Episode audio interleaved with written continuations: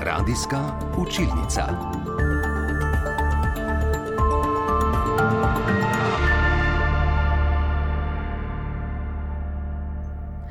Fizika v devetem razredu osnovne šole za marsikaterega učenca ni mači kašelj in tudi našemu mlademu sogovorniku se je malce zataknilo prav pri tem predmetu.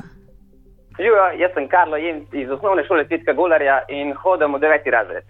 Karlo, živijo tudi tebi, povej mi, kako poteka šolanje nadaljavo, kako se zdaj znajdeš uh, že sam. Uh, v bistvu zdaj se učimo prek spletne učilnice in moramo biti tudi veliko bolj samostojni, zato ker dobimo tam gradiva, uh, pomagamo si z e-učbeniki, veliko pa tudi čez mere šujemo v naših učbenik pa zvezkih.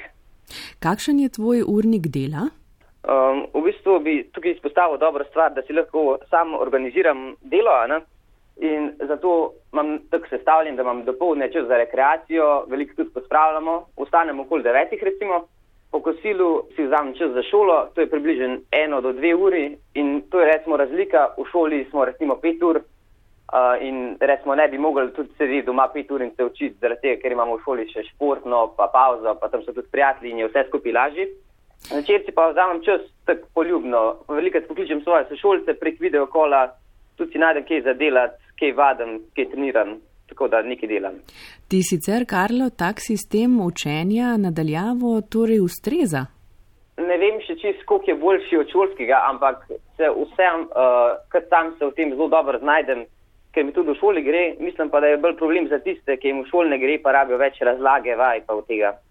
Rekel si, da se torej ob večerjih slišite tudi sošolci, prijatelji, se pogovarjate morda tudi o učni snovi ali o drugih stvarih. Veliko se tudi o učni snovi, ker recimo imajo tudi različne sisteme učenja. Veliko jih ima tudi prek videokola pouk in je tudi drugačna metoda. Um, pravijo pa nekateri so mi rekli, da je celo več snovi uh, pri kakšnih predmetih, ampak Jaz mislim, da če gledam na splošno, je manj snovi, ampak jo je težje sam predelati brez učitelja. Pri katerih predmetih je učenje nadaljavo zate najtežje in zakaj ravno pri teh predmetih? Uh, jaz bi rekel, da kemija pa fizika, zato ker uh, je potrebno veliko razlage za stvari, ki jih ne razumemo, Uh, trenutno bi pa rekel za me najbolj fizika, ker smo vzeli novo snov in je uh, pri kemiji pa zaenkrat zgolj ponavljamo poglobljeno snov. Kje imate največ naloge? Največ naloge bi rekel, da nasploh dobimo po matematiki, ker je veliko vaj potrebnih, da dobimo snov v glavo. Najtežja do zdaj pa bi rekel, da je bila pri kemiji, ker smo mogli sami prebrati učbenik in si izpisati pomene podatke iz določenih strani, ker je to najbolj samostojno. Karlo, kje se je morda tebi zataknilo zdaj pri šolanju doma? Eh, pri fiziki smo ravno vzeli novo snov o zgradbi snovi in mi ni čisto logično in jasno, kaj so kapljevine in zakaj pline skupaj s kapljevinami imenujemo tekočine. To mi ni šlo nikoli v glavo in me to zanima. Tvoje vprašanje zahteva odgovor pri učitelju fizike, mi ga poiščemo, tebi pa želim le še lep dan naprej. Super, hvala.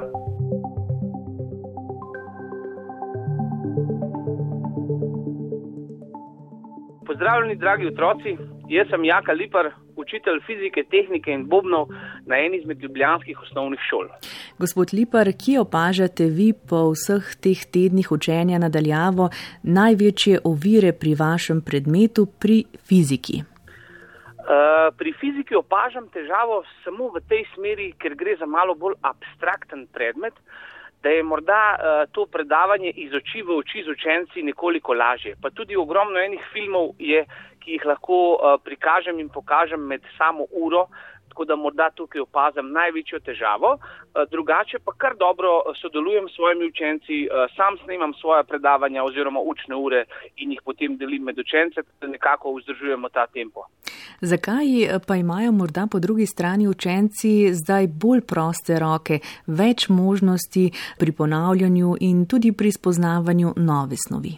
Uh, se mi zdi, da imajo učenci v tem času več možnosti, zaradi tega, ker imajo več časa na razpolago. V bistvu so cele dneve na nek način nažalost doma uh, in imajo pač več časa se ukvarjati s šolo in ponavljati določeno osnov.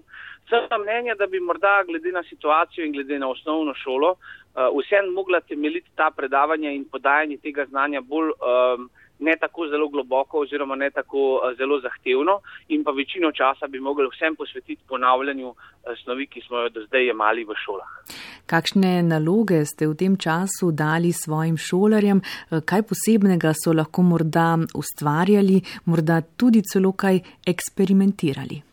Um, mojim učencem sem zadal kar nekaj nalog, sicer večinoma računskih vaj, uh, ker pri fiziki v 8. razredu spoznamo proti koncu šolskega leta kar nekaj enačb, ki jih je dobro uh, in fajn razumeti in potrenirati. Uh, eksperimente sem prikazal sam na določenih videoposnetkih, upam, da so jih učenci ponovili doma in tudi sami sprobali. Kako trd oreh je fizika za šolarje? Uh, sam sem mnenja, da osnovnošolska fizika uh, ni trd oreh, če je na tak način tudi prikazana. Namreč vse, kar se osnovnošolci učijo pri fiziki, se da zelo lepo in enostavno razložiti z vsemi primeri iz vsakdanjega življenja. In za konec še k vprašanju našega mladega poslušalca Karla. Zanima ga naslednje. Pri fiziki so obravnavali zgradbo snovi, jasno pa mu ni, kaj točno so kapljevine in zakaj so kapljevine in plini skupaj imenovani tekočine. Uh, super, odlično vprašanje, Karl. Načeloma delimo uh, snovi v tri uh, značilne oziroma tri znam poznane agregatna stanja in sicer trdnine, kapljevine in pline. Uh, Od vseh treh naštetih imajo trdno obliko samo trdnine oziroma imajo tako imenovano stalno obliko. Molekule so zelo skupaj povezane, pri drugih dveh, torej kapljevinah in plinih, pa so nestalne oblike eh, in imajo molekule med seboj bolj šibko povezavo.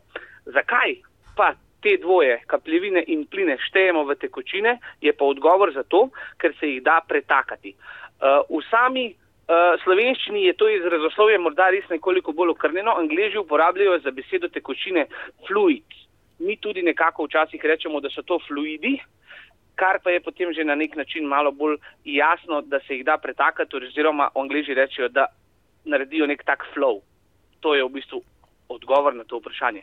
Učitelj Jaka Lipar, najlepša hvala za ta odgovor in srečno. Najlepša hvala tudi vam, otroci, upam, da se hmal vidimo v šolskih klopeh, zdržite, tudi mi moramo, uh, ni nam lahko vsem srečno, pa veliko uspeha, če ne letos, pa v naslednjem šolskem letu. Radijska učilnica. Tudi na spletu in med podcasti.